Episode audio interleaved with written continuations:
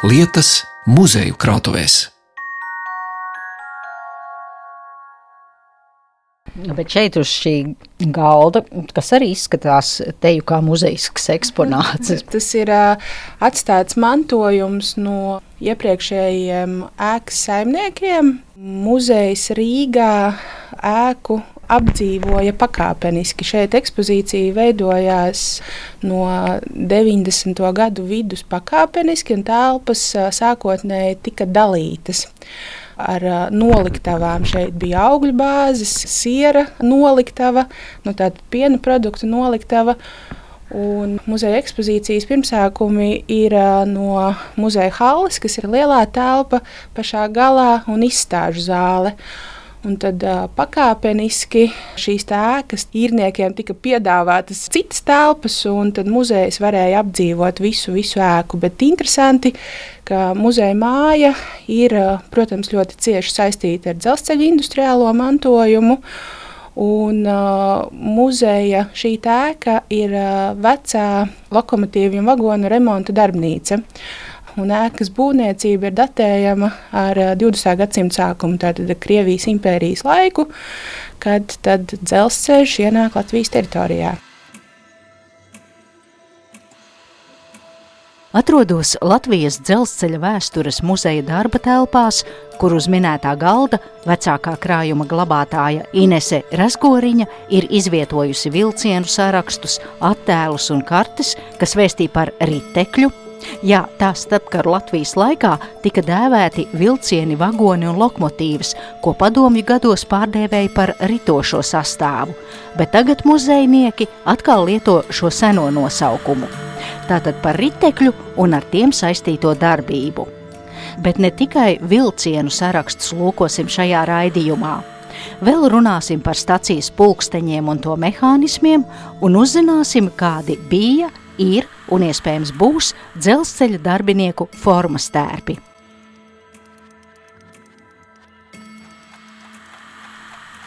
Deviņpadsmitā gadsimta pirmajā pusē, attīstoties rūpnieciskai ražošanai un uzsākoties dzelzceļa būvei, mainās arī laika skaitīšanas jēdziens. Daudz vietā fabriku un vilcienu svilpes kļūst par atskaites punktu precīzam laikam. Tāpēc Inese Razgoriņa vēstījumu par dzelzceļa vēsturi un materiāliem, kas glabājas muzeja krātuvē, sāk ar stāstu par pulksteņiem.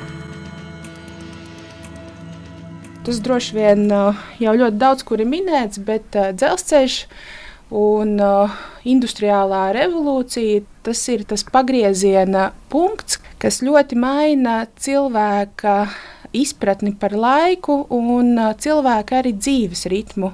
Un runājot par dzelzceļu, par šo industriālo mantojumu un visu to, kas sevī ietver.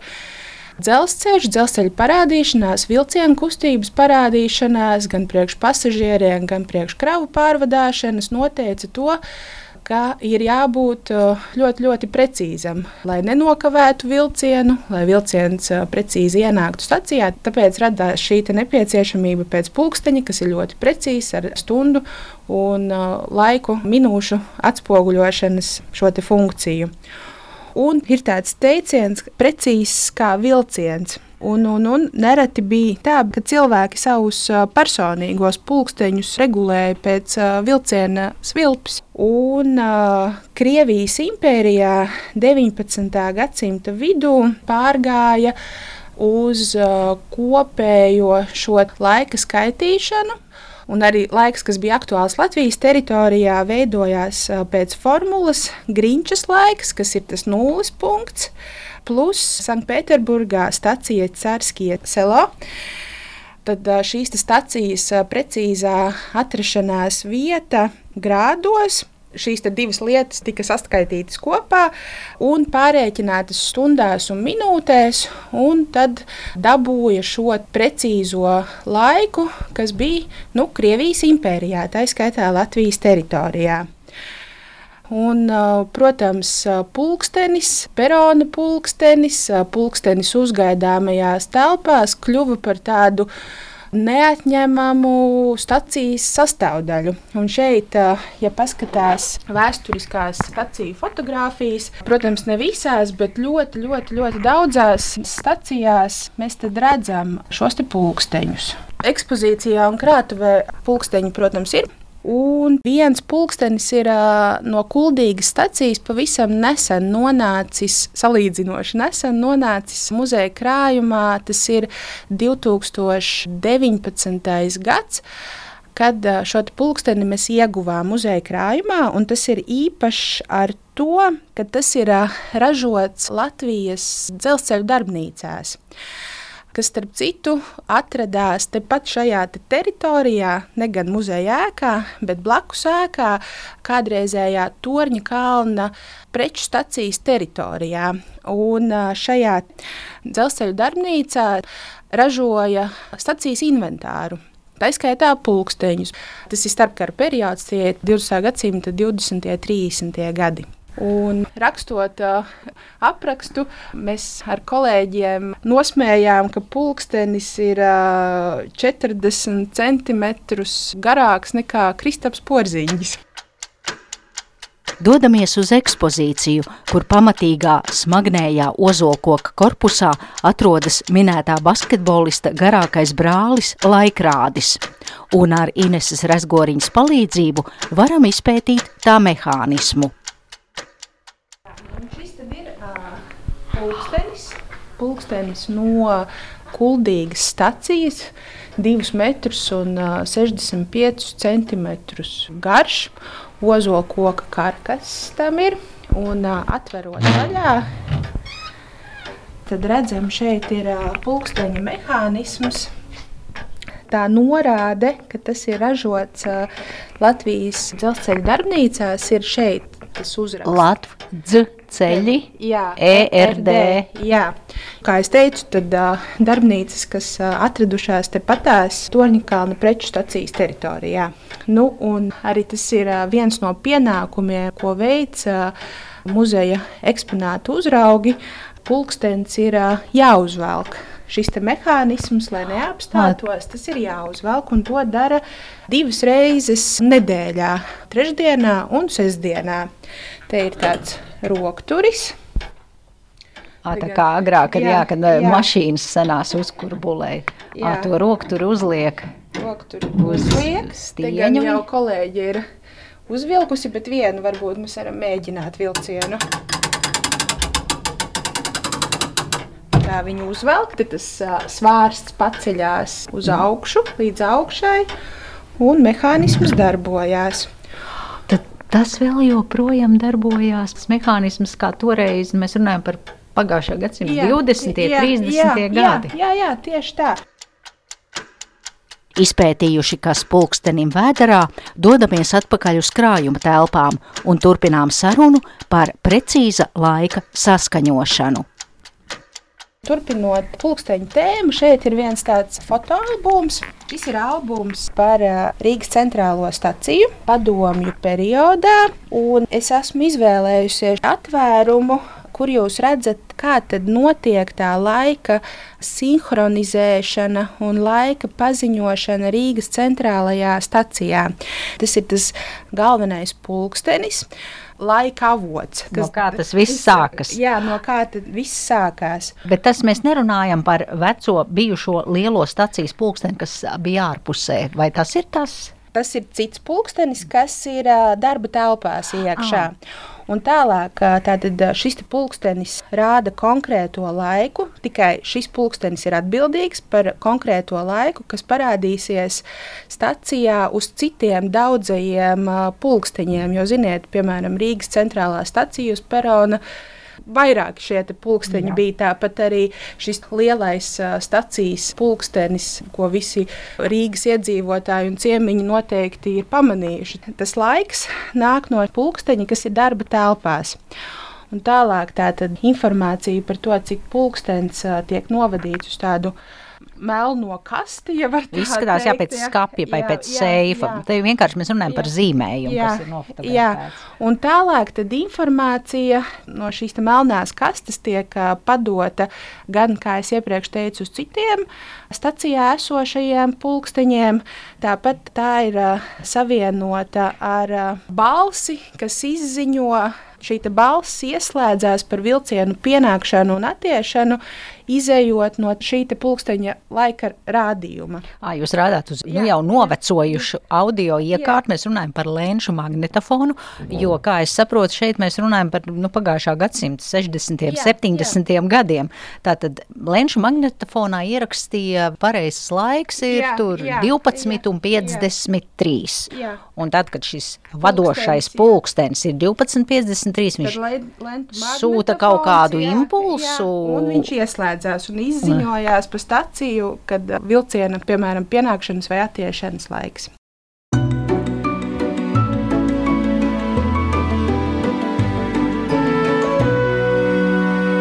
Vietu lietas.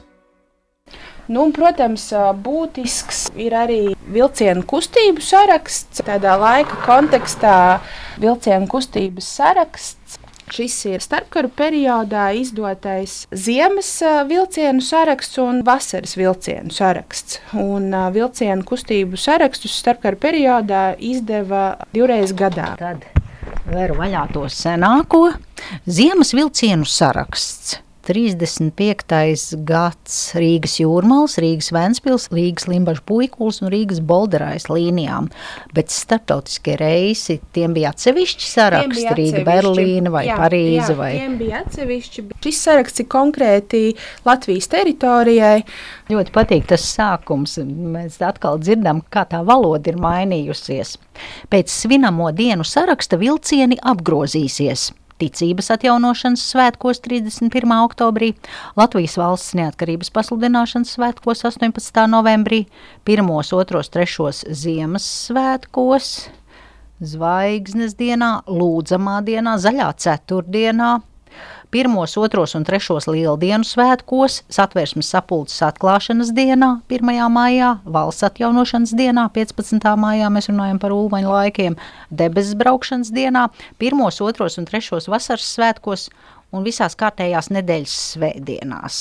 Nē, te vēl cilvēks grib aizbraukt no Rīgas uz, uz, uz Krustpilu, un tad viņš atver šo vilcienu sarakstu, un tad atkal lasa par svinamām dienām, un vēl pēc tam viņš sāk lasīt. Latgalē kā svinamās dienas skaitās vēl šādas dienas. Māras šķīstīšanas svētku 2. februārī, Māras pasludināšanas diena 25. martā, Vissvētākā sakramenta diena 23. maijā, Pētera Pāvila diena 29. jūnijā, un tā tālāk, un tā joprojām. Un tad viņš te Rīgā tagad mm -hmm. punktierē. Ir vai nav šodien svinama diena Latgalē, un pēc kāda saraksta svinamo vai darba dienu vilcieni kursēs, jeb kā te rakstīts, apgrozīsies, eh, piemēram, no Rīgas uz Krustpili. Kopā ar vecāko krājuma glabātāju turpinām šķirstīt starpkaru Latvijas laika vilcienu sarakstus, un nākamā galvas lauzīšana mums iznāk domājot par ritekļu ātrumu pirms aptuveni 90 gadiem. Gaidot uz Rail Baltica, kur ātri vilcieni kursēšot ar vidējo ātrumu aptuveni 170 km/h, varam tik apbrīnot mūsu senču pacietību, pārvietojoties ar krietni lēnāku braucamo.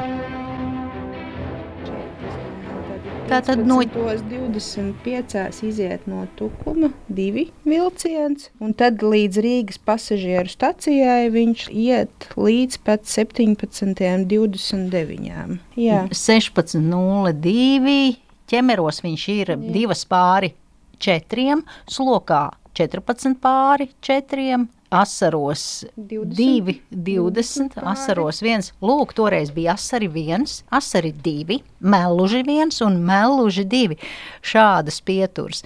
Bet tas vilciens ar kādu ātrumu, nu, tas mums tagad tā kā matemātikas uzdevums, ja vilciens tikos un tikos iziet no stacijas 15.25 no stacijas Tukums 2 un Rīgā pasažieru stacijā ienāk 17.29 minūtēs. Jautājums, ar kādu ātrumu vilciens pārvietojas. Divreiz lēnāks vilciens bija nekā mūsdienās. Bet, lūk, es ieraudzīju, te ir ailīte, kur rakstīts maksimālais ātrums un kā tas ātrums dažādos dzelzceļa posmos atšķiras. Mm -hmm. Te ir 60 km/h, 80, 70. Tā kā jā, no Rīgas līdz Šķirotavai 60 km/h un pēc tam no Šķirotavas līdz Krustpilī 80 km/h. Starp citu, pētot uh, vilcienu kustības sarakstu, te parādās vēl tāda interesanta lieta, kā šie burti K, N, P un L.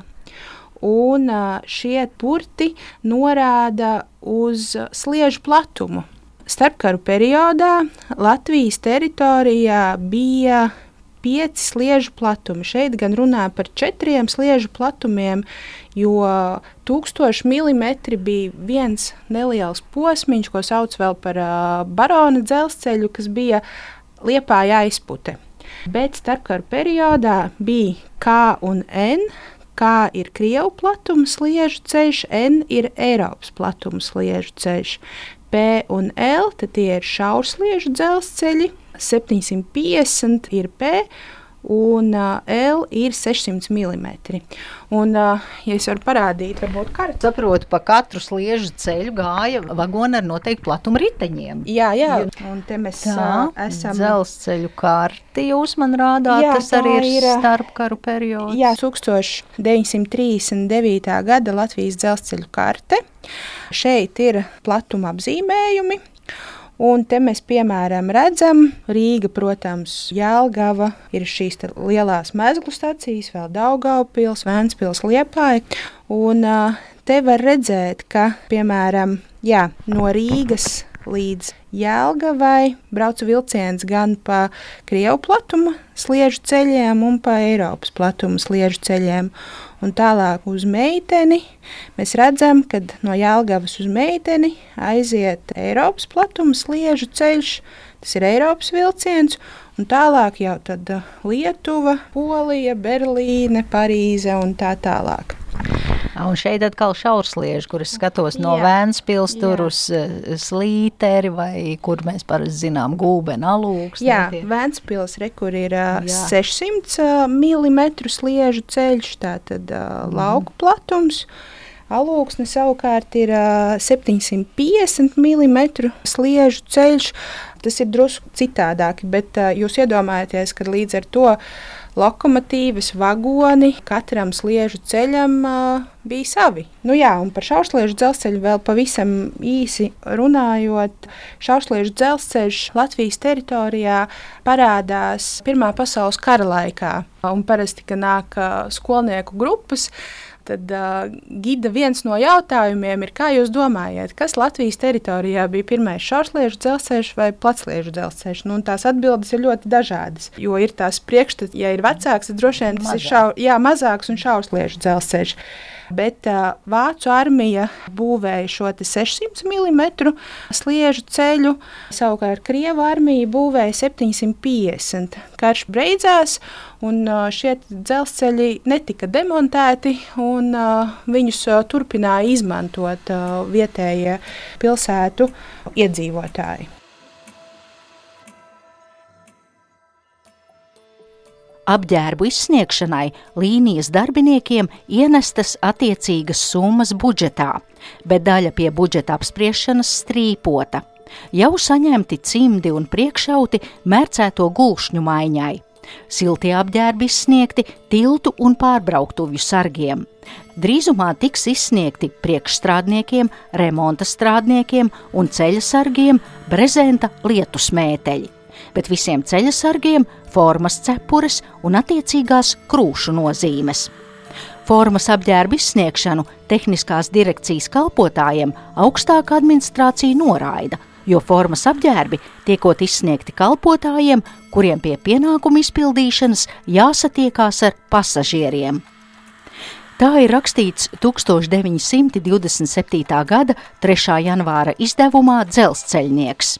Savukārt dzelzceļa vēstures muzejā var aplūkot nelielas cilvēku figūriņas, kuras mākslinieks Einārs Timma ir ietērpis dzelzceļnieku formas tērpos, sākot no Krievijas impērijas laika līdz futūristiskām vīzijām, pat žurku aprīkojot ar šīs nozares uniformu. Šī pēdējā ir mūsu interpretācija par to, kas varētu notikt ar sacīs dežurantu nākotnē. Šis ir padomu laiks, starpkaru periods, un tur ir Krievijas impērijas laiks. Tā, mēs skatāmies tagad, nu, nākotnē mēs redzam tādu, kā šobrīd ir uniformām, pelēka žakete, vīriešiem bikses un sievietēm pelēka svārki. Vai tie baltie tie ir tādi tuvas nākotnes tērpi? Nu, nē, tas ir tā dizainiski, var būt kā tas varētu. Tā ir tiešām mākslinieka doma lidojums un, un interpretācija par to, kā tas varētu izskatīties. Nu, bet pat jaukākā ir tālā nākotnē, kad eh, es skatos uz žurku ķiverē ar antenām. Nu, te ir tas jautājums, dzelzceļš līdzīgi kā citas nozares, ļoti tiek modernizēts datori parādās, dažādas schēmas. Ir šeit jautājums, vai mākslīgais intelekts nebūs tas, kas tad uh, vadīs dzelzceļu, vai maz cilvēks būs vajadzīgs. Tāpēc ir tas smiekliņš ar peli un ar mikroshēmu, mikročips. Tas ir tāds jautājums par nākotni. Kā tad dzelzceļš attīstīsies? Es vēl atkāpjoties atpakaļ padomu laiku vēsturē, ja es skatos uz šīm lēlītēm, tad sievietēm bija zilas apakšbikses, miesas krāsas, krūšturs un vīriešiem baltas apakšbikses un balts krekliņš vai mākslinieka fantāzija? Arī mākslinieka fantāzija. Es domāju, ka tā krāsa varēja sieviešu krūšturim un biksītēm būt nu, dažādi. Nu, tur, tur droši vien nebija tikai tā vai tā. Bet uh, formas starpā jā, ietilpa apakšveļa. Bet mēs skatāmies, te ir uh, starpkaru Latvija, un arī vīrietis un sieviete arī apakšveļa ir demonstrē daudz, protams, garākas bikses abiem dzimumiem. Arī toreiz starpkara Latvijas laikā piešķīra. Ja? Jā, bet uh, salīdzinoši ar uh, padomi periodu formas tērpu piešķīra atsevišķām dzelzceļa profesijām, piemēram, stācijas dežurants, stācijas priekšnieks, konduktors. Var sekot tās dzelzceļa profesijas, ko ikdienā redzēja apmeklētājs, staciju apmeklētājs, vilciena izmantotājs. Tikai tie dzelzceļnieki nesāja formas tērpus grāmatveži, cilvēki, kas tur vilcienu rīkotāji, grāmatveži, visi pārējie šie cilvēki nāca uz darbu savā ikdienas drēbēs. Savukārt padomu periodā par cik dzelzceļš skaitījās kā pusmilitāra struktūra, formas tārpu nesāja visi dzelzceļa darbinieki, sākot no jurista, beidzot ar stacijas dežurantu. Pilnīgi visiem dzelzceļa darbiniekiem bija formas tērps. Bet arī lūk, eh, mēs runājam par Krievijas impēriju. Tad šeit es skatos arī uz tādu mini-manekēnu. Tur mēs redzam garās apakšbikses un, un kreklu ar garām rokām, tādu nu, silto apakšveļu. Mm -hmm. Nu, jā, tā ir tāda Krievijas impērijas laika mode, un šeit jūs uh, salīdzinoši ar iepriekšējiem laika periodiem neredziet sievieti. Jā. Jā, jo sievietes bija telefonistas, telegrāfistas, bet viņas nebija tās, kuras nesāja formu stērpu. Un vai jūs zināt, kā var atšķirt, kurš ir stācijas dežurants, cilvēks, kurš ir atbildīgs par vilcienu kustības organizāciju? Stācijas dežurantam ir cepure ar sarkanu virspusi. Tāda uniformas detaļa bija gan Pirmās Latvijas brīvvalsts laikā, gan padomju gadu periodā, gan arī šodien. Minēto cepuri varat aplūkot internetā, radio mājaslapā pie šī raidījuma apraksta. Un turpat arī redzams attēls ar futūristisko žurku dzelzceļnieci. Saku paldies par sarunu Latvijas dzelzceļa vēstures muzeja vecākai krājuma glabātājai Inesei Rezgoriņai un raidījumu veidoja Zane Lāce Baltāksne. Vietu lietas.